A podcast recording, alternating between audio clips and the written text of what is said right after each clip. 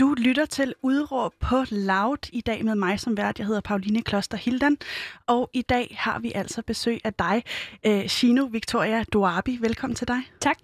Det her er jo programmet, hvor øh, vi hver dag inviterer en gæst med en markant eller en interessant holdning i studiet i en hel time, for at finde ud af, hvad gæsten mener og hvorfor de mener, som de gør. Øh, Shino, vil du ikke lige prøve at beskrive, øh, du er øh, socialliberal, du er øh, hvad, ja, hvad kalder man det, øh, kandidat til Københavns borgerrepræsentation for øh, radikale. Ja. Og så er du øh, kvoteflygtning. Ja. Du læser statskundskab. Ja. Øh, du er oprindelig fra Kurdistan. Ja. Øh, og, og flygtet til Danmark, da Ja. og du har boet her i Danmark i 17 år, hvor du venter på dit statsborgerskab. Øhm, ja, der er vi ikke så langt endnu. Der er vi ikke så langt endnu. Øh, vi skal snakke om ikke at kunne trække vejret, så skal vi snakke om øh, symbolpolitik, og så skal vi snakke om kvoteflygtning. Øh, Shino, vil du ikke lige fortælle mig, hvad er dit udråb i dag? Mit udråb er, at øh, det er blevet en trend at føre udlændingepolitik øh, som en form for symbolpolitik. Noget, der ikke virker. Noget, der bare er der. Og noget, der begrænser dem, vi ikke har lyst til at begrænse. Øh, og ikke løser reelle problemstillinger, der er i vores samfund. Øh, og man svigter ikke bare de borgere, som man kommer til at ramme, som man ikke har lyst til at ramme. Nogle har, andre har ikke lyst. Øh, og faktisk ødelægger Danmark på den måde. Mm. Mm. Og i starten, da jeg øh, ringede til dig for, for en, en uge siden, eller sådan noget, så sagde, øh, troede jeg, at vi skulle snakke om, om feminisme, men så Ja. sagde du i går, da jeg ringede til dig, og ligesom skulle lave forinterviewet til det her program, øh, at du mente helt oprigtigt, når du siger, at du ikke kan trække vejret. Vil du ikke lige prøve at beskrive, hvad det, det betyder? Øhm, helt øh, fysisk kan jeg godt trække vejret, men øh, så er der nogle gange, hvor jeg ikke kan trække vejret. Jeg bor i et øh, frit land som Danmark, øh, som jeg vidderligt elsker. Og jeg elsker den her frihed, som, som vi, øh, vi bryster os af, øh, men som jeg oplever, men bare begrænset. Og øh, når jeg føler mig begrænset, så føler jeg mig ulige med mine venner og min omgangskreds og øh, de ting, unge kan. Øh, og, og det får mig til at føle mig kvalt. Mm. Øh, og, og, og jeg kan faktisk ikke trække vejret nogle gange, når jeg selv... Ja.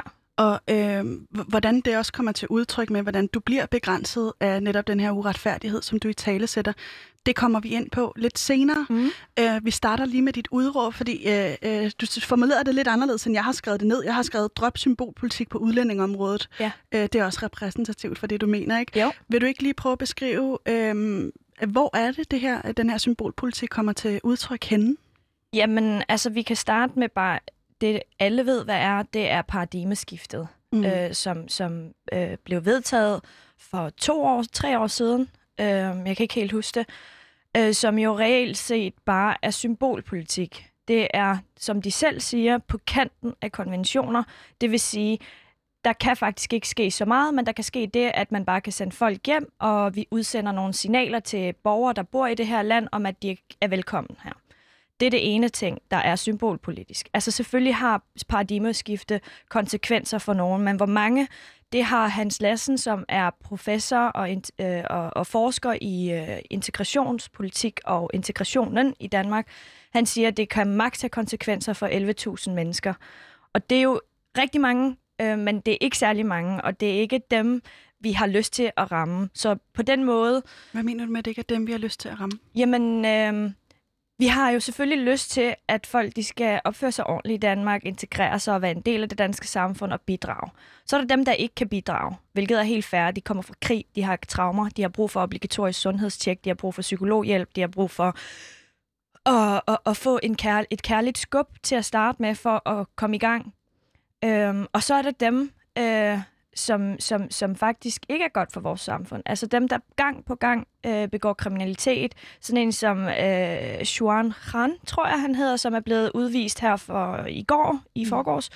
Øhm, ham har vi ikke brug for i Danmark. Han er en begrænsning for min frihed, øh, og, og, og, og, og ham har jeg overhovedet ikke noget sympati for. Det er sådan nogle det er sådan nogle mennesker, vi skal ramme. Mm. Det er øh, derfor, og vi har jo selvfølgelig ikke 11.000 øh, psykopat-kriminelle øh, i Danmark, vel? Så med, med det mener jeg, at vi rammer 11.000 mennesker, som vi ikke skal ramme, og så rammer vi helt ved siden af, og dem, der faktisk er dårlige for vores samfund. Ikke godt for hverken integrationen, for, for minoriteter eller majoriteten. For os alle sammen. Mm. Dem rammer vi ikke. Og øh, så er der jo symbolpolitik, øh, som for eksempel, at uddannelse ikke tæller med som et beskæftigelseskrav. Så når det er, at man skal søge om permanent opholdstilladelse for at derefter søge statsborgerskab, så har uddannelse altid talt med øh, som en, et beskæftigelseskrav, men ikke gør. Og hvorfor, øh, tænker man så? Fordi er uddannelse netop ikke en dansk værdi? Mm. Øh, jeg kan ikke øh, finde en, et større, altså en større værdi end uddannelse. Øhm, men det er, øh, det, det er simpelthen blevet ført øh, under Inger, Inger Støjberg, øh, Støjberg-fane. Og det er bare symbolpolitik, fordi folk, der uddanner sig, siger alle øh, øh, førende øh, forskere, at det er kæmpe, kæmpe investering i dansk øh, eller i landets øh, respektive landets økonomi og, og, og, og giver vækst. Så, så det er og egentlig så betyder det, at man faktisk opfordrer minoriteter, altså indvandrere, udlændinge osv., og flygtninge, til at øh, tage et ufaglært job mm. i stedet for. Og øh, inden vi lige dykker lidt mere ned i den her mm. øh, øh, din, din holdning, så kunne jeg godt tænke mig også lige at høre, hvor er du selv øh, med hensyn til statsborgerskab? Altså nu siger du, du har ventet i, i 17 år siden du kom til Danmark, da du mm. var omkring 12, ikke? Jo. Øh, hvor gammel er du så? Det kan jeg ikke lige regne ud. jeg er faktisk øh, 28, ah. men det tæller ikke i år, fordi at... Øh, Just like me. Ja. øh, nå, øh, jeg, jeg bliver bare nysgerrig på, hvor er du hen i, i dit øh, statsborgerskabssøgning? Hvordan ser det ud? Jeg er på 17 år på midlertidigt opholdstilladelse. Mm. Det vil sige, at jeg skal hver andet år søge om forlængelse af, om jeg må være i det her land. Og det følger jo en masse byrder og en masse ting, som jeg skal tage stilling til, øh, og som jeg ikke kan som ung. Og det er faktisk der, jeg føler mig begrænset og ikke kan trække vejret, og jeg hele tiden skal tale med advokater og myndigheder osv. osv. Mm. Ja. Så det er i hvert fald lige på det rene. Mm. Som du ser det, hvem er det så, der, der øh, bedriver eller sådan, øh, står for den her symbolpolitik? Kan man pege på, er det, er det over hele linjen på det politiske spektrum, eller, eller er det øh, enkelte øh, partier eller fløje, eller hvordan ser du det? Altså ren symbolpolitik findes over hele linjen. Mm. Altså bare symbolpolitik, men udlændingssymbolpolitik, altså politik omkring integration og udlænding, øh, det er jo typisk fra højrefløjen. Og bannerfører har jo været Dansk Folkeparti og Venstre øh, under Lars Lykke, øh, eller Inger Støjberg, det må man selv om, øh, og nu også Nyborgerlige, ikke? Ja, så det er i hvert fald de, øh, de partier, som, som, som øh, udfører, udøver symbolpolitik, som ikke nytter noget. Det har ikke, øh, også hvis man er nationalist og er, er elsker Danmark så højt, øh, mm. øh, som de siger, for at beskytte det, så er det også bare symbolpolitik, fordi det beskytter ikke Danmark at, at, at øh, forhindre landet i at, at vokse og blomstre og få vækst. Hvad, hvad mener du med det? Jamen altså bare sådan noget som uddannelse. Bare, nu tager jeg bare udgangspunkt i mig selv. Øh, man kan vælge at øh, give mig permanent opholdstilladelse, eller man kan lade være. Ved at man giver mig det, så fortsætter jeg min uddannelse, og kan på et tidspunkt betale sygt mange penge i skat. Det vil jeg gøre med glæde. Øh, og jeg vil også gerne betale mere på et tidspunkt. Men hvis jeg så ikke får det her permanent opholdstilladelse, så har jeg da overvejet rigtig mange gange at droppe ud af min uddannelse og tage et ufaglært arbejde, hvor jeg kun skal betale 4-5.000 kroner i skat. Mm. Øhm, og og det, er jo, det er bare for at tegne et billede af, hvor dumt det er. Er symbolpolitik værre på højrefløjen, end den er på venstrefløjen? Altså nu ser du, der er det her helt klare skift eller skælden mellem øh, symbolpolitik, når det gælder øh, øh, udlændingområdet, og så øh, andre øh, typer symbolpolitik. Er, vil du sige, at det var lige slemt, eller hvorfor er det lige denne her del, vi skal snakke om? Øhm, jeg synes, at øh, symbolpolitik er altid slemt, fordi at det spilder penge, og det spilder ressourcer og tid. Øh, men jeg synes, at højrefløjens, øh, højrefløjs øh, symbolpolitik er værre, fordi det faktisk har konsekven- konsekvenser for reelle menneskers hverdag og liv. Øh, og og det, det, det føler jeg ikke, og det kan også godt være, at jeg er bias, for jeg er radikal, øh, at jeg ikke synes det. Øh, men det synes jeg ikke øh, venstrefløjen har. Og i øvrigt, så ser jeg mig overhovedet ikke som venstrefløj eller højrefløj. Jeg ser mig fuldstændig som en magenta, der bare er fremad, og ikke... Øh, En ikke magenta? ja, Det kender jeg slet ikke, det ord. det er magenta, det er jo farven på vores parti, og det er øh, øh, blå og rød farven, hvor de på et tidspunkt mødes på et helt specifikt øh, tidspunkt, og farven bliver så magenta, og den kan ikke opstå igen. Det er bare på et specifikt tidspunkt, at den rammer magenta. Ja. Ja. Ja, og smukt. Ja. Hvorfor tror du, det er sådan her med al den her øh, symbolpolitik, særligt på højrefløjen? Øhm, jamen, altså, hvis jeg må være helt ærlig, så har de sidste øh, årtier jo været øh, gå, øh, udlændingepolitik gået ud på, at man ikke har ment integrationen lykkedes, og integrationen går dårligt. Og det havde de i vis grad også ret i. Øhm, men nu blomstrer integrationen. Integrationen går rigtig godt. Øh, for eksempel så er kvinderne øh, øh, førende, når det gælder uddannelse. Øh, drengene tager øh, øh, flere uddannelser, øh, også kommer på uddannelse, højere uddannelsesniveau, og øh, kriminaliteten falder. Øh, og det skal vi også huske på, at det gør den faktisk mere end øh, etnisk danske. Det er delt op i etnisk danske og ikke vestlige, øh, så det er derfor, jeg siger det. Øh, og øh, så integrationen går rigtig godt. Og det tror jeg er en eller anden form for øh, frygt for øh, Dansk Folkeparti og andre partier. Deres eksistensgrundlag er ved at få en ende. Øh, det går godt med integration. Selvfølgelig er der udfordringer. Det er ikke det, jeg prøver at tegne et billede af. Alt er perfekt. Der er udfordringer. Der er social kontrol. Der er nogen, der ikke forstår, at vi bor i et frit land. Øh, og, og, og skal øh, forstå danske værdier, og dem skal de leve efter med deres egne, så de kan sammenblande. Men integration går så godt, at man er nødt til at udføre så vanvittige øh, øh, øh, politikker, øh, for simpelthen at skræmme enten udlændingen væk, men for bare også at signalere, at staten Danmark hader jer.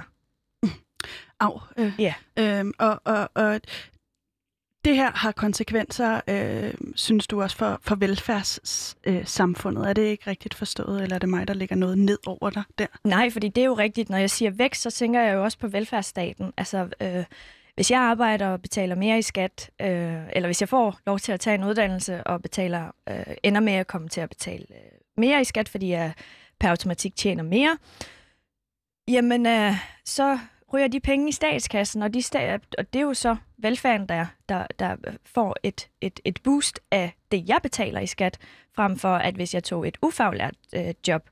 Øh, nu er der ikke noget galt med ufaglært job, nu prøver jeg bare at sige, det er det, jeg har lyst til. Jeg har lyst til at tage en uddannelse, fordi det er den familie, jeg kommer fra. Vi, kan, vi er akademikere, og vi kan godt lide at tage en uddannelse, og vi sætter høj pris på det.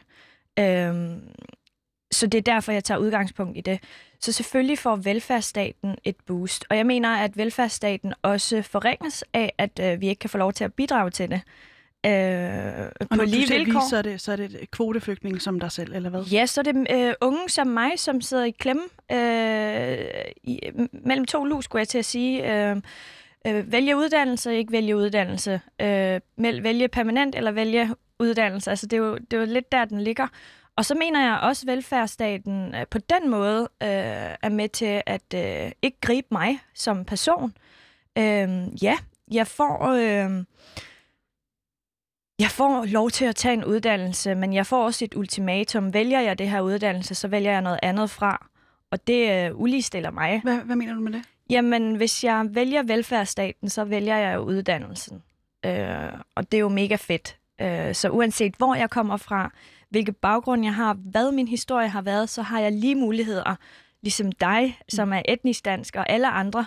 Og, og det er jo så det smukkeste ved Danmark, det er, at vi har lige muligheder, uanset hvor vi, hvad vores historie er. Mm. Øhm, og og øh, jeg har så valgt uddannelse, og, men jeg har så fravalgt noget andet, og det er min frihed, og det er min... Øh, øh, din, min, min, mine lyster har jeg lagt en dæmper på, som at tage ud og rejse, øh, og, og stemme og kæmpe for det. Øh, det har jeg jo valgt fra. Men hvor du har valgt øh, journalistik, jeg ved ikke faktisk ikke, hvad Mm. din uddannelse er, men Øh, jeg, nej, det ved jeg sgu heller ikke helt. Altså, jeg, jeg har læst, jeg har læst på, på RUK. Øh, Ja, ja. Øh, en bachelor. Ja, og, og, og der kan man bare sige, der har du jo ikke fravalgt noget. Du har taget, du har tilvalgt noget, du har tilføjet noget til... Hvordan fravælger du ved at tage en, en uddannelse? Det forstår jeg ikke. Jamen, altså, jeg prøver at forklare det igen så. Øhm, når jeg tilvælger Undskyld, ud... det kan godt være, det er mig, der er tungne, men nu, nu prøver vi lige at skære den ud i pap. Jeg kunne have valgt og ikke have været, øh, valgt velfærdsstaten. Det, som velfærdsstaten tilbyder mig. Hvad kunne du så have valgt i stedet? jeg kunne have valgt at tage et arbejde. Ja. Et ufaglært arbejde. Jeg med. Og på den måde have, have nået... Jeg synes, så havde jeg haft dansk statsborgerskab nu. Mm. Altså, øh, ah, det tager lang tid at få det og sådan nogle ting. Så havde jeg haft det, men så havde jeg valgt noget andet fra, og det er min uddannelse. Okay, på Og på den, den måde. måde bliver jeg stillet et ultimatum i velfærden. Mm. Øh, enten vælger du det her, eller så det her. Vi kan tilbyde to ting, men hvor det uligestiller mig. Mm. Øh, og, og mange unge, altså det her, det handler ikke om mig. Det handler, hvor uretfærdigt og urimeligt det er at, at, at sætte den byrde på unge mennesker. Og fortælle dem, at hvis de så vælger uddannelse, så bidrager de ikke til Danmark. Og de er en udgift for Danmark. Altså, prøv, kan du høre det? Jeg kan godt høre det. Og vi opfordrer jo unge til at tage en uddannelse, men det gælder så ikke alle. Så, så det forstår jeg ikke. Det det er forstår der, jeg... ikke. Nej. Hvad, øh, altså, øh, hvad er velfærdssamfundet? Hvad, hvad, hvad betydning har det for det? Fordi man kan sige, øh, dit, øh, dit øh, fødeland, øh, som Mhm. jo er Kurdistan, ikke? Mhm. og som øh, der er en masse konflikter med øh, Iran, Mm. øh, det har jo ikke ligefrem det, det bedste øh, demokrati, og slet ikke velfærdssamfund. Hvad betyder velfærdssamfundet øh, for dig? Altså, hvad, hvad... Altså, jeg vil øh, sige, at der ikke er noget demokrati i Iran. Øh, det er, øh, hvad hedder det, islamisk øh, styret, præstestyret, øh, og, og er undertrykkende for kvinder og minoriteter, og generelt bare hele befolkningen er undertrykt. Ikke? De Mm. har ikke ytringsfrihed. Og når du har den viden med dig, altså, øh, ser du så Jo, på det så med nogle bliver- andre øjne på, på Ja, fordi at jeg, jo, jeg jo ved, altså, hvad alternativet er. Jeg har set det med mine egne øjne. Altså, når min mor hun skulle gå en tur øh, med håret ude, så blev hun jo kaldt ind, øh, fordi hun ikke havde tørklæde på rigtigt. Øh, hun var ikke en kvinde, altså hun havde ingen ret, fordi hun var en kvinde. Hun havde ikke frihed, og hun, øh, hun kunne ikke tilvælge en uddannelse, som hun havde lyst til. Hun skulle vælge den uddannelse, der passede hendes køn. Øh, der var ikke velfærd som sådan. Øh, min øh, stakkels morfar har skulle betale for alle seks børns øh, øh, uddannelser, og det er altså ikke bare lige sådan, så du får plads. Du skal være blandt de bedste 500 for at komme ind, og det har de heldigvis været, de her børn, eller min moster og min onkel. Øh, øh, og det har været svært. Øh, du kan ikke, der er ikke den samme, øh, eller der er overhovedet ikke den samme faktisk, øh, de samme muligheder som ung eller ikke ung, altså bare som menneske i Iran. Så når jeg har de her ting, når jeg har set det med mine egne øjne, jeg er også undertrykt, øh, jeg har også været undertrykt i Iran som pige bare, blev seksualiseret har fået et tørklæde over hovedet, øh, så har jeg jo set, hvad det kan gøre. Jeg har jo set min far blive tortureret. Jeg har så ikke set ham direkte blive tortureret. Jeg har set ham komme hjem og være fuldstændig smadret, Mm. øh, øh, fordi han brugte sin ytringsfrihed. Og det øh, vender vi også tilbage havde, ikke? til om et, et kort øjeblik. Men jeg bliver stadig nysgerrig på, øhm, fordi du, du værdsætter vel, velfærdssamfundet i rigtig høj grad, og det danske demokrati, fordi du netop også har den her anden side, hvor du har set det benhårde øh, af, hvad et meget totalitært samfund ligesom kan præstere. Ikke? Mm. Øhm, hvorfor... hvorfor øhm, hvad, hvad tror velfærdssamfundet? Fordi det mener du rent faktisk, der er noget, der gør i øjeblikket. Er det ikke sandt? Øhm, jo, øhm, jeg er mere bange for demokratiet også. Altså, Mm. demokratiet er også, også under pres. Altså, hvis vi, hvis vi virkelig skal begynde at reflektere, så kan vi jo bare kigge over til den anden side, og det er USA, og se, hvad der foregår der. Demokratiet er blevet pisset på.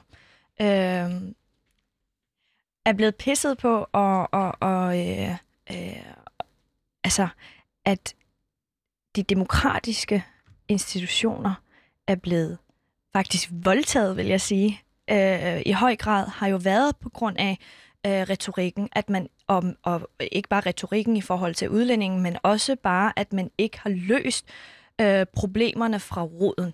Hvis vi tager USA bare, så mener jeg jo faktisk, at problemerne altid har været der. Altså, det er ikke Trump, der har skabt problemerne. Nej, problemerne har altid været der. Det har været siden Ku Klux Klan øh, øh, opståen. Det har, Du tænker de her racistiske problematikker, Ja, og, og, og selvom, præcis, og selvom øh, sorte afroamerikanere øh, øh, har øh, rettigheder, så har de alligevel ikke de samme muligheder. Mm. Altså, de samme, altså, de bliver ikke set som lige mennesker som hvide øh, amerikanere.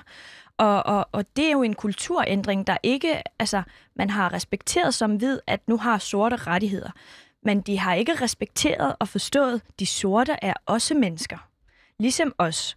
Og det er jo den kulturændring, der ikke, altså ingen præsidenter har været med til at formå at få løst. Øh, øh, og, og, og med sådan en, når vi så får sådan en, øh, ja, vi har haft Obama sort præsident, hurra, altså, øh, men hvad gjorde han egentlig? Øh, men så når vi så får en præsident som Trump, som bare booster den her, øh, de her problemer, som er, er der, de ligger bare og venter på at blive kogt, ikke? Nu har de fået 2 grader, 3 grader, så sætter han den bare helt op på 9, ikke? eller 10. Øh, så er det jo klart, at, at, at, at, at, at folk går amok og, og føler sig ikke hørt. Øh, og Hobbes har jo ret, at menneskets følelser øh, øh, øh, tager over. Hobbes? Hobbes? Det, det er en te- te- teoretiker. Aha, Sorry, undskyld. Don't worry. Øhm, du, du er akademiker med stort A, men... Øh... Og, og, og, der, og med det mener jeg, mm. at, at, at øh, vi skal ikke sige, at jamen, sådan vil det aldrig være i Danmark. Åh oh, gud, hvor er det godt, at vi bor i Danmark. Nej, det skal man overhovedet ikke sige. Enten kan man sige, nok er nok. Eller så kan man sige, som jeg lige sagde, Danmark er dejligt, og godt, vi ikke bor i USA. Fordi vi er op ad den samme sti, som jeg også fortalte dig i går. Vi er op ad den samme sti, som øh, amerikanerne har været. Vi er bare ikke nået dertil. Øh, vi er godt på vej. Jeg mener, vi har en borgerlige. Vi havde en stram kurs, der, der prøvede at stille op og fik øh, vælgererklæring. Øh, og, og det mener jeg er ekstremt problematisk, fordi det er et tegn på noget bløder. Altså noget, øh, vi... Altså, faktisk tegn på, at der er blevet udført symbolpolitik. At der ikke bliver løst reelle problemer. Og det har altså konsekvenser, og en af de konsekvenser, det bærer med sig, efter for dit perspektiv, det er ulighed. Vil du ikke lige mhm. prøve at beskrive, hvordan det hænger sammen? Øh, jo, altså minoriteter er jo bare per automatik ulige. Mm. Øh, om du har statsborgerskab, eller du ikke har statsborgerskab. Vores egen statsminister taler om, øh, øh, man skal fratage dem øh, dynejakker og deres guldkæder og deres Gucci-tasker. Jeg ved ikke, hvad det var, hun, han, hun sagde. Mm. Men i hvert fald øh, øh, øh, øh, stigmatiseret en, en befolkningsgruppe. Og alle ved jo, det er enten Vest, Vesterbro, altså Vesterbronx, øh, der har guldkæder og, og, og, øh, og dynejakker og fede huer og sådan nogle ting. Ellers så er det øh, minoritetsdrenge, som faktisk øh, min lillebror altså, mm. som øh, studerer på universitetet i Aarhus, som ikke kunne finde på at gøre en flue for træet, men, øh, men fortæller, at sådan en som ham, der har sådan noget tøj på, han er kriminel, mm. og uligestiller ham, når han går ud på gaden. Og det ses for eksempel i, at han ikke kan komme ind på, den, på det samme diskotek som mig, fordi vi faktisk har ikke har den samme hudfarve. Og øhm, ulighed er jo ikke noget, der, der klinger fremmed i dine ører. Det er noget, du er blevet konfronteret med for en ja. relativt tidlig alder. Øhm, seks år var du, som sagt, da, da I flygtede øh, fra Kurdistan. Fem-seks år, ja. Fem-seks år, ja. Øh, vil du ikke lige prøve at beskrive, hvad, hvad for et... Øh, altså, da du kom til verden der, hvor, hvor, hvor var dine forældre stillet, og, og hvad var det for et, for et hjem, I, du kom til verden i? Øhm, det var et fantastisk hjem. Jeg var fyldt øh, op med kærlighed. Min, øh, min mor, hun havde to børn i forvejen, øh, og, og blev så skilt med den her mand, øh, som hun blev tvunget til at gifte sig med, fordi hun var kurder. Som 13-årig havde hun to, eller nej, som 14-årig havde hun to børn. Hold da kæft. Øh, og, og valgte så som 18-årig at blive skilt, fordi så var hun myndig. Øh, øh, og, og så møder hun min far, og hun møder min far, og de er forelskede, og de bliver gifter for mig, og jeg bliver hele familiens øh, øh, altså, øh, vendepunkt. Altså sådan, det, lyset, tror jeg. Øh, og jeg er også øh, kaldt, mit navn betyder nyt liv, et nyt kapitel. Øh, så, så, så jeg er blevet fodret med kærlighed øh, fra alle i familien. Og, og det, det, det har gode minder fra. Øh, og det inde i hjemmet, inden for fire vægge. Men når du så bliver ældre og, og begynder at gå, altså bare kunne gå, gå ud øh, for dit hjem, så fik jeg jo tørklæde på. Og, og på den måde blev uligestillet. Og øh, så startede jeg i skole, i folkeskole, i en kort periode, inden vi flygtede. Og der skulle jeg have øh, sådan noget, øh, en frække på. øh, og et tørklæde, der dækkede det hele. Altså, der var 40 grader, ikke? Nogle gange. Kan du huske det? Ja, det kan jeg godt. Mm. Øhm, og jeg var den dygtigste i klassen, og jeg nægtede, og det, det der svarer til et 12-tal, hed 20. Og det nægtede jeg at få mindre, og jeg diskuterede med lærerne, hvis jeg fik det halve, øh, eller 19,5, så begyndte jeg at diskutere. Øhm, men men, men øh, så over på den anden side af muren i skolegården, der var der de her drenge, som kravlede sig op og ville snakke til os. Det var lidt sjovt. Øhm, og jeg, var, jeg synes bare, det var så uretfærdigt, at de havde shorts på, og de havde t-shirts på, sådan nogle øh, skjorter i t-shirts, jeg ved ikke, hvad de hedder, med mm. kortærmet. Og, Fordi de var mere frigjorte på en eller anden måde? Jamen, der var jo ikke noget galt med deres ben, og der, det var ikke sexet. og, og, og det kan jeg bare huske, det synes jeg var så uretfærdigt, fordi jeg vil også gerne spille fodbold med dem, og jeg rev det her tørklæde fra mig, og det fik mine forældre meget skæld for, øh, at, at jeg ikke rettede mig ind. Og I øh, flygter så øh, på en nat. Mm. Øh, du, kan, du kan huske episoden. Vil du ikke lige prøve at, at beskrive, hvordan det opleves? Altså, ja, det.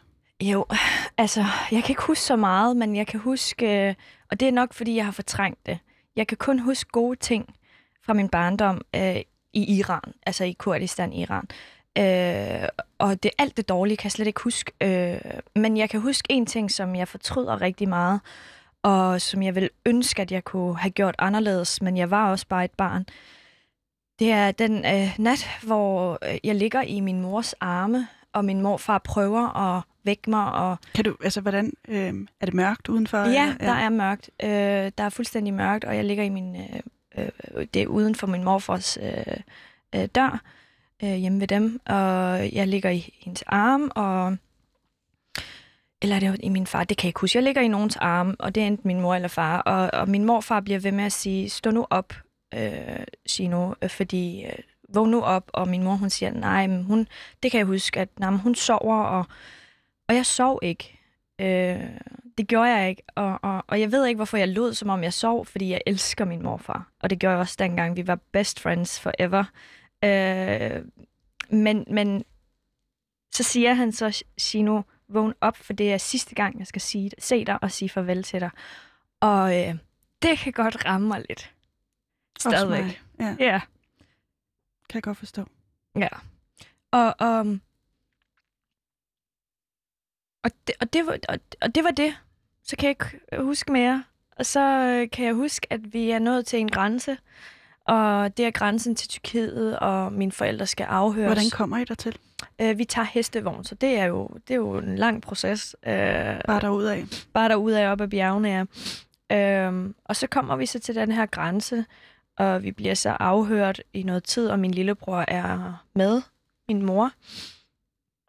Øh, og jeg sidder så i, øh, udenfor i venteværelset.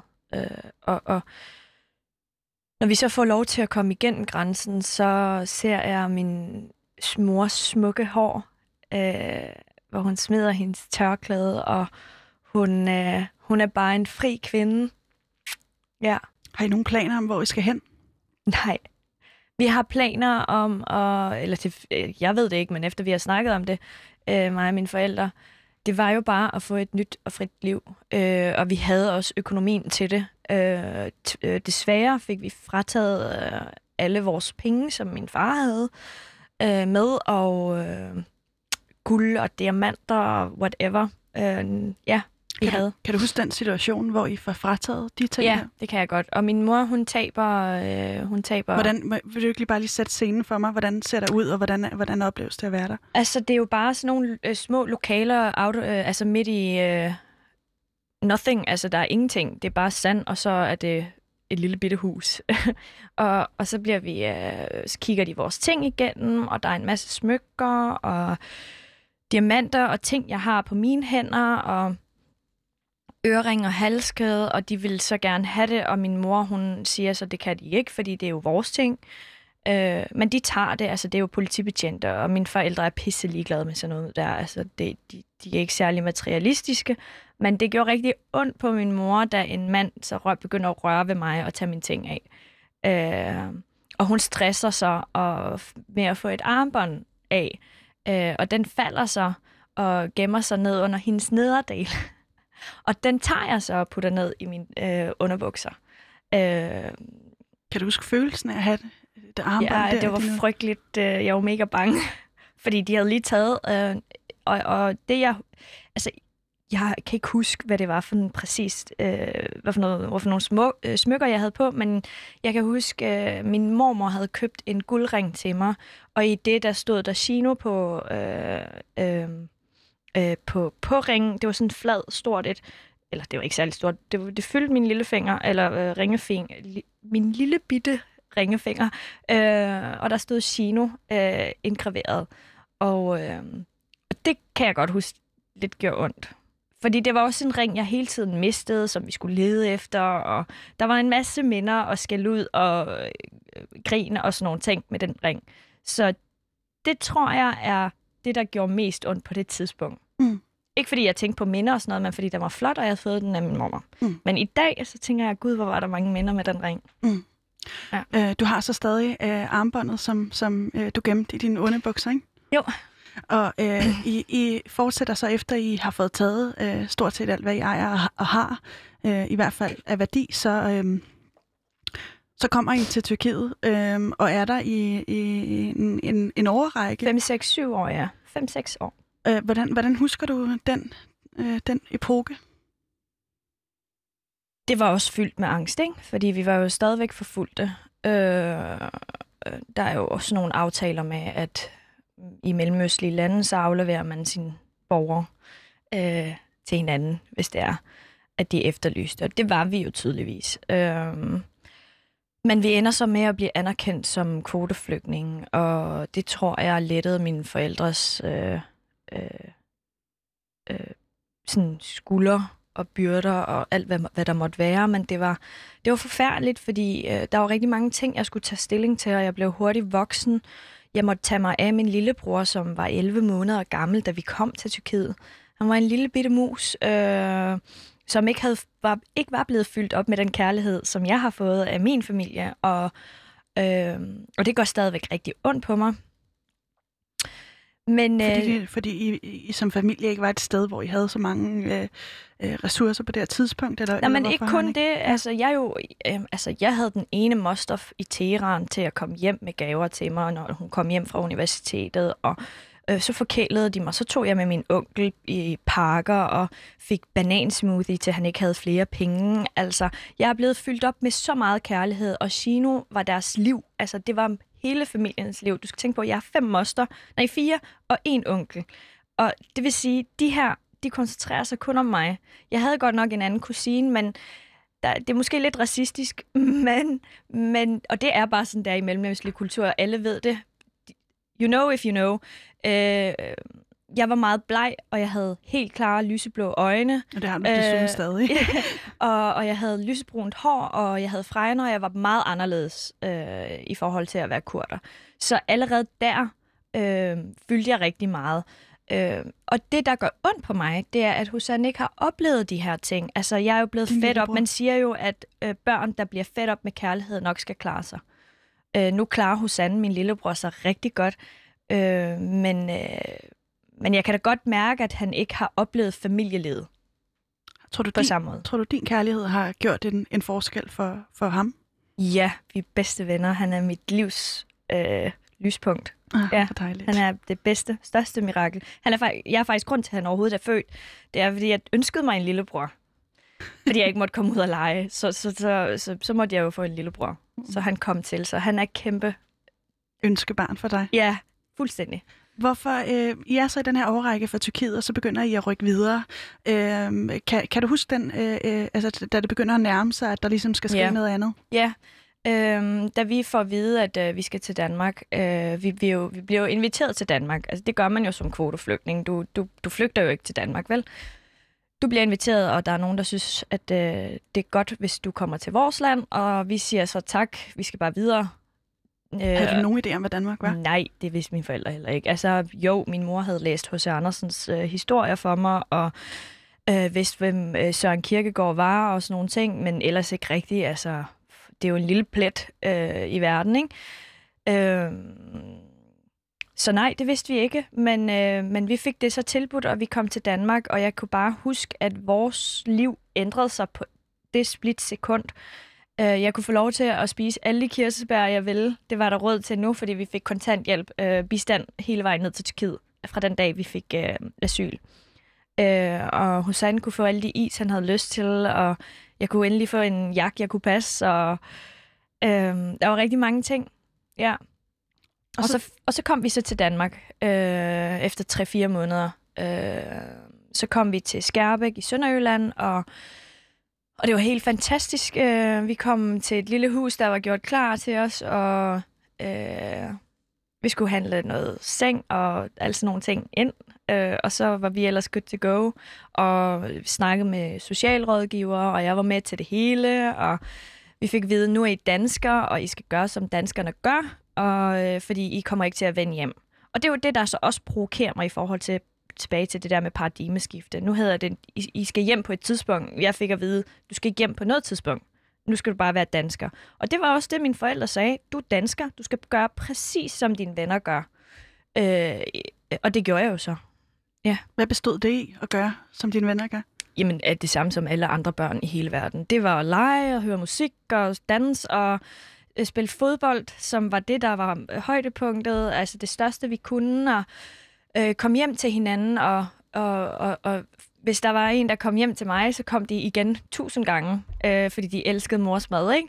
Øh, øh, så blev jeg teenager. Og... Var det ikke, må jeg ikke lige spørge, var det ikke bare et helt øh, vildt øh, sceneskift for dig, altså som har, har oplevet også, hvordan det har været at kigge over på den anden side, hvor drengene legede øh, i skjorter, når du var pakket helt ind, og sådan, øh, slår den der kontraster på et tidspunkt, eller, eller er det bare sådan der, nå okay, fint nok, øh, nu, nu er vi her-agtigt? Mm, nej, fordi at, øh, altså hjemme ved os i familien, der var det jo bare sådan noget med, at alle var lige. Altså, det er jo i den kurdiske kultur. Når vi for eksempel danser øh, traditionel kædedans, øh, så, så er det pige, eller nej, så er det kvinde, mand, kvinde, mand. Og det er symbol for, at i, vi kurder, vi anser mennesker for ligeværdige. I, i, øh, der, der er også et, et kvindeligt militær i... Øh, altså. I YPJ, altså som jeg er benhård stolt af, og jeg elsker den, og, og vi hylder dem ikke nok. Øh, øh, og, og det er de eneste steder i verden, som, hvor øh, der er fuldstændig ligestilling, også når det kommer til herren. Bare lige. Præcis, øh, præcis. Så, så jeg har set, at øh, min far har behandlet min mor lige. Jeg har set, at min morfar har behandlet alle sine børn lige. Må, måske faktisk pigerne lidt bedre, øh, øh, og været mere fri. Øh, Øh, så, så det var ikke anderledes for mig, at vi ikke havde tørklæde på lige pludselig udenfor. Mm. For det gjorde vi jo også i hans have, og vi svømmede også i hans pool. Og altså, det var ikke... Jeg er vokset op med en fri familie, så mm. det var ikke anderledes. Det var faktisk det, der var anderledes for mig. Det var, at jeg skulle have tørklæde på. Men du er så i, i Danmark, og det er du også i, altså, helt frem til nu. Mm. Øh, der ligger nogle, nogle ungdomsår og venter øh, på dig, som på en eller anden måde øh, ikke bliver som de fleste andres ungdom alligevel, selvom du er øh, her i Danmark. Vil du ikke lige prøve at beskrive, øh, hvordan det Øhm, jo, altså jeg føler jo øh, bogstaveligt talt, at min ungdom er blevet taget fra mig. Øhm, og det blev den, dengang jeg gik på handelsskolen, øh, hvor jeg fandt ud af, at jeg ikke var dansker. Jeg troede, jeg var dansker. Sådan par automatik, jeg ved ikke hvorfor. Øh, men vi skulle ud på skoleudflugt, eller det var fodbold, eller et eller andet. Vi skulle til et andet land og spille øh, et eller andet. Øh, jeg gik på Team Danmark på handelsskolen, så det var sådan noget med, med fodbold. Med fodbold også? Ja. Hold da op. Øhm, og jeg får så at vide, at jeg kan ikke komme med, fordi at jeg ikke har dansk pas, øh, og, og så bliver jeg forvirret. Nej, noget med, at noget var udløbet, og så var jeg sådan, what? Det forstår jeg ikke. Og Jan øh, Asbøl, som sidder på IBC som studievejleder i dag også, øh, jeg håber, han hører med, han, øh, han tager med mig på politistationen og finder ud af, at jeg, mit opholdsgrundlag er faktisk udløbet øh, fordi jeg er 18 år gammel og selv skal, skal ansøge om sådan nogle ting, og det fattede jeg jo ingenting af. Så øh, jeg fandt ud af, at, øh, at, at jeg ikke var dansker. Jeg fik så lov til at komme afsted øh, alligevel øh, med, med, med meget højt fravær. Tror, jeg fik 30% fravær den første måned eller sådan noget. Hvorfor? Jamen, fordi jeg skulle på politisgården og på politistationen og ringe til diverse og sådan nogle ting, så fik jeg fravær. Men det blev der set lidt øh, øh, man vendte den øh, ene kendt til, fordi at de vidste godt, at der var, det var ikke på grund af, altså det var på grund af alvorlige ting. Mm. Øh, men så skulle jeg så forklare over for min klasse, hvorfor at jeg havde så højt fravær. Og så skulle jeg fortælle, at jeg er ikke dansker, som I er, og jeg skal ligesom gøre nogle ting, som I ikke skal. Øhm, så det var allerede en byrde for mig der. Så min ungdom blev taget fra mig, fordi jeg ikke kunne komme de steder, jeg havde lyst til med mine venner. Så når de skulle til Thailand, så blev jeg hjemme.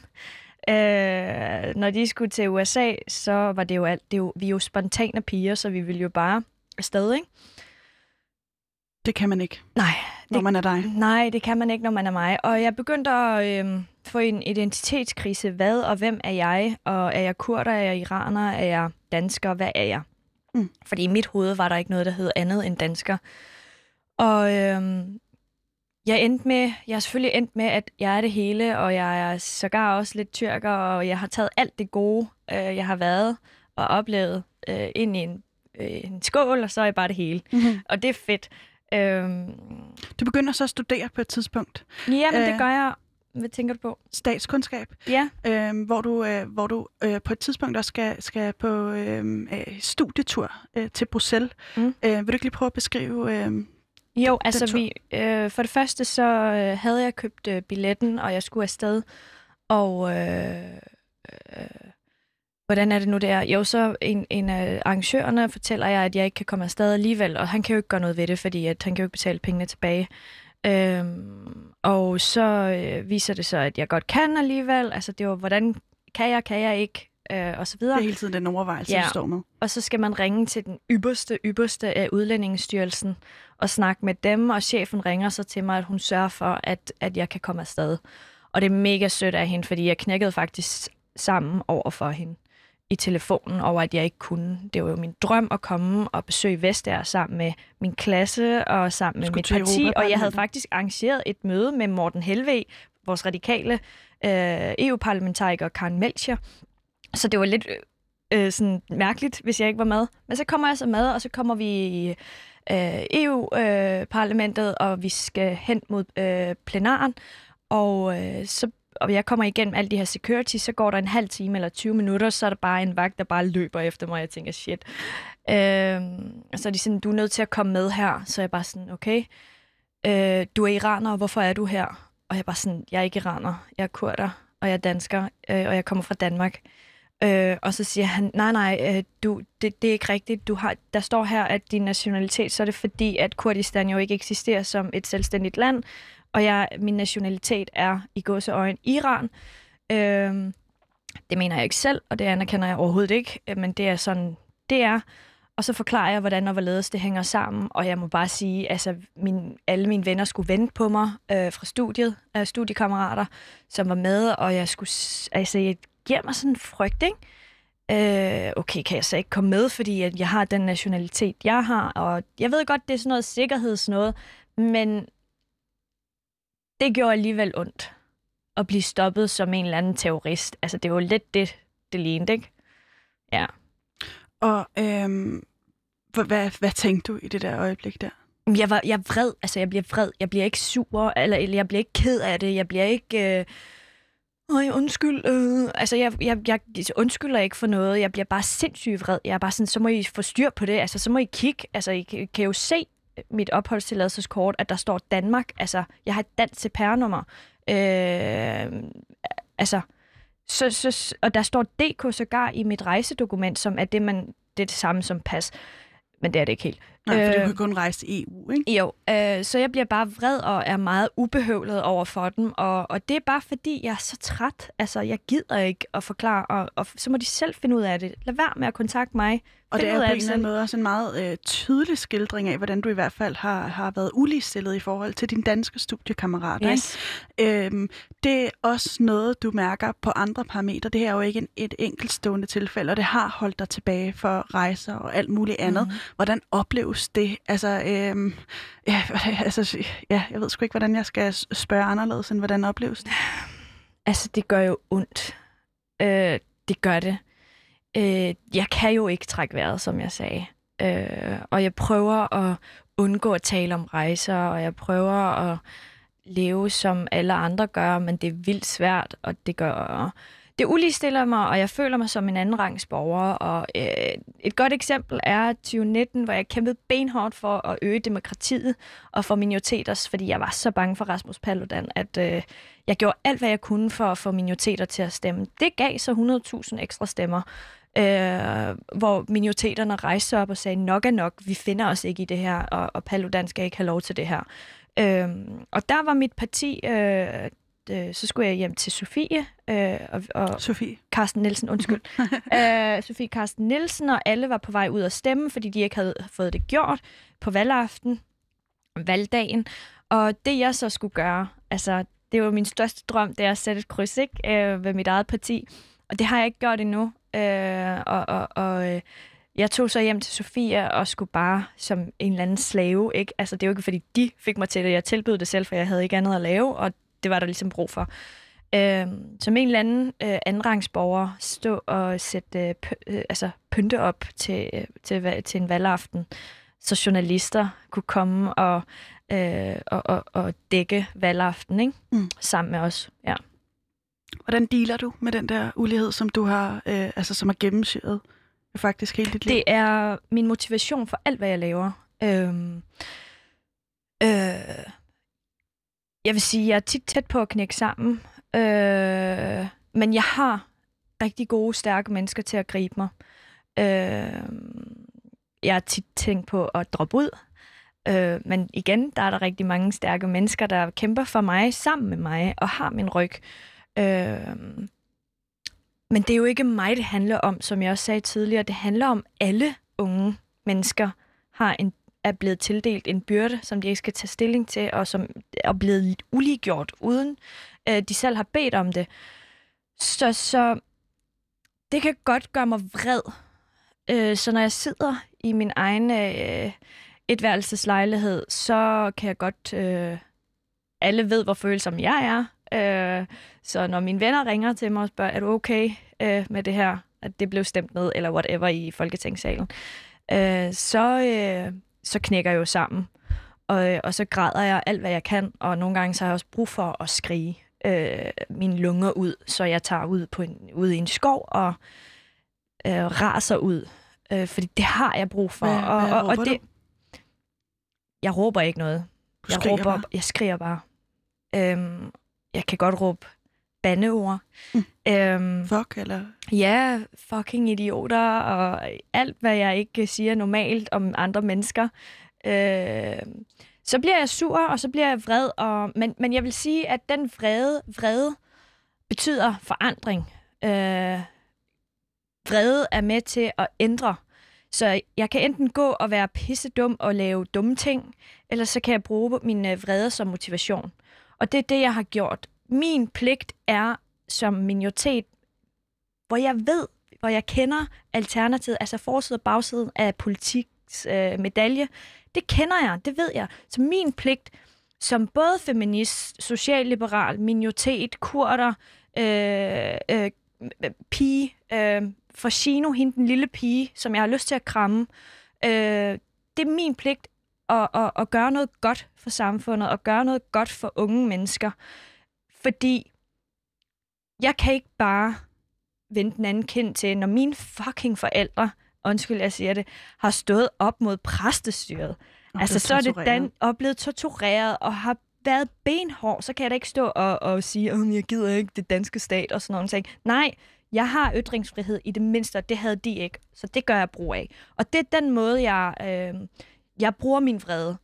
Hvor, hvordan kan det være, at du tør at stå her og være så sårbar, som du er? Altså, man kunne godt frygte, at når du har oplevet så meget uretfærdighed, at det ligesom sætter sig som sådan en fuldstændig hård og lukket skal. Ikke? Øhm, du tør at åbne op og vise, hvad der er inde i den, og være sårbar. Øh, hvorfor tror du, du, du kan det? Fordi vi bare er mennesker. Øhm, da jeg var teenager, så, så var jeg meget hård, og jeg var ret følelseskold. Øh, og det var den ene mur, øh, eller mursten efter den anden, jeg øh, ligesom byggede op. På et tidspunkt, da jeg fik identitetskrise, øh, så, så knækkede den mur lidt, og det var rigtig slemt. Øhm, men jeg er så vokset og er blevet ældre, og øh, med årene for, øh, for 5, 6, 7 år siden, så begyndte jeg jo at øh, indse, at jeg bare er et menneske. Jeg skal slet ikke være så hård, og mennesker har følelser, og vi er nødt til at se de sider af de mennesker. Det er ikke bare øh, uddannelsespolitik, øh, det er ikke udlændingepolitik, det er ikke integrationspolitik, og det er ikke Det er beskæftigelse. Det er mennesker, vi taler om, og det er vigtigt, at folk de kan se sig selv i mig.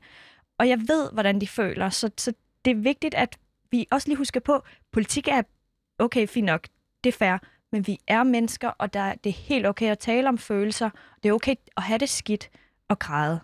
Øh, en ting, det jo har af konsekvenser for dig, fordi du har oplevet al den her ulighed, det er den måde, du vurderer din fremtid på. Øhm, øh, hvordan ser du din fremtid egentlig?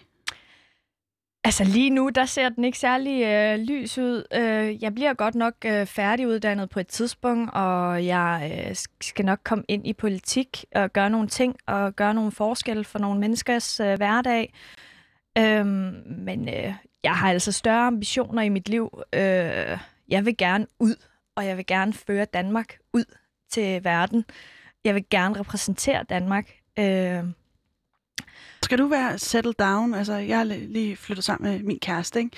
Jeg bor sammen med min kæreste, og ligesom er i gang med at bygge øh, grundstenene til at føre et vid, eller liv videre på det. Hvordan øh, ser du, ser du din, øh, din eksistens på samme måde, altså med en, med en partner som at settle down, eller, eller har du nogle andre behov? Kvæg, kvæg din opvækst? Ah, altså, jeg har ikke altid haft den største behov for at skabe en familie. Men øh, jeg kan godt mærke, at jeg er blevet ældre, og 28 år har sat sig, øh, og jeg bliver snart 29. Ej, okay, om et halvt år bliver jeg 29. Øh, og jeg kan da godt mærke, at jeg har lyst til at have en partner. Øh, og jeg har lyst til at have et barn måske. Øh, men jeg har svært ved at binde mig, og jeg har svært ved at commit mig. Hvorfor? Øhm, tillid er svært for mig at bygge. Øhm, øhm, Føler du, du er gået glip af noget? ja. Og jeg føler, at min ungdom øh, er blevet skubbet længere ud i fremtiden. Så hvad Øh. skal der så ske i fremtiden? Jamen, der skal jeg stå og ryge en kæmpe fed joint, øh, som jeg også sagde, i et eller andet sted i USA, underground, eller i, øh, øh, ja, altså et eller andet sted, som ikke er Europa i hvert fald. øh, og være mega skæv og øh, øh, at være ung og dum og tænke, ej, gjorde jeg det? Altså, jeg har aldrig tænkt, ej, shit, det gjorde jeg bare ikke. Altså, det har jeg ikke. Jeg har bare været sådan en ordentlig pæn pige, der har aldrig haft en one-night stand eller øh, noget som helst. Altså, det er fandme nederen. Altså, det er ikke nederen. Altså, jeg er også glad for, at jeg ikke har gjort det, men jeg gad godt, at jeg bare havde fået lov til at være ung og dum og ikke så ansvarlig. Fuck en lille smule op. Vi, Ja. er, vi er ved at løbe en lille smule tid, tør for tid, så jeg, jeg skynder mig lige at wrap it up, og jeg, jeg vil bare så gerne vide, øh, har du set dine bedsteforældre siden du tog fra øh, Iran, Kurdistan, da du var 6, 6 Nej, jeg har ikke set dem i 23 år. Og er de her endnu? Har du De mulighed? lever. Ja, de lever. Så I har stadig en, en relation? Og... Ja, selvfølgelig. Ja. Ja. Ja. Jeg elsker min familie i Iran mere end hvis jeg boede der, tror jeg. Og øhm, det her bunder jo, øh, den her uretfærdighed, du har oplevet, bunder jo blandt andet også i den her måde, der bliver ført symbolpolitik på, som du synes, vi skal droppe. Øhm, hvad, hvad, hvad skal der ske øh, med den? Altså hvis man lige skulle prøve at, at være lidt øh, øh, fremadskuende. Man skal se sig selv i spejlet, og så skal man kigge over på USA, og så spørge sig selv, ønsker vi det for vores lille Danmark? Nej, det tror jeg ikke, nogen vil. Og så skal man kigge sig selv i spejlet. Hvorfor er jeg politiker? Er det, fordi jeg vil øh, beskytte Danmark og, og gøre Danmark til det bedre? Og så skal man øh, til at tage sig sammen og lave reel politik, og ikke symbolpolitik. Noget, der faktisk skubber Danmark fremad.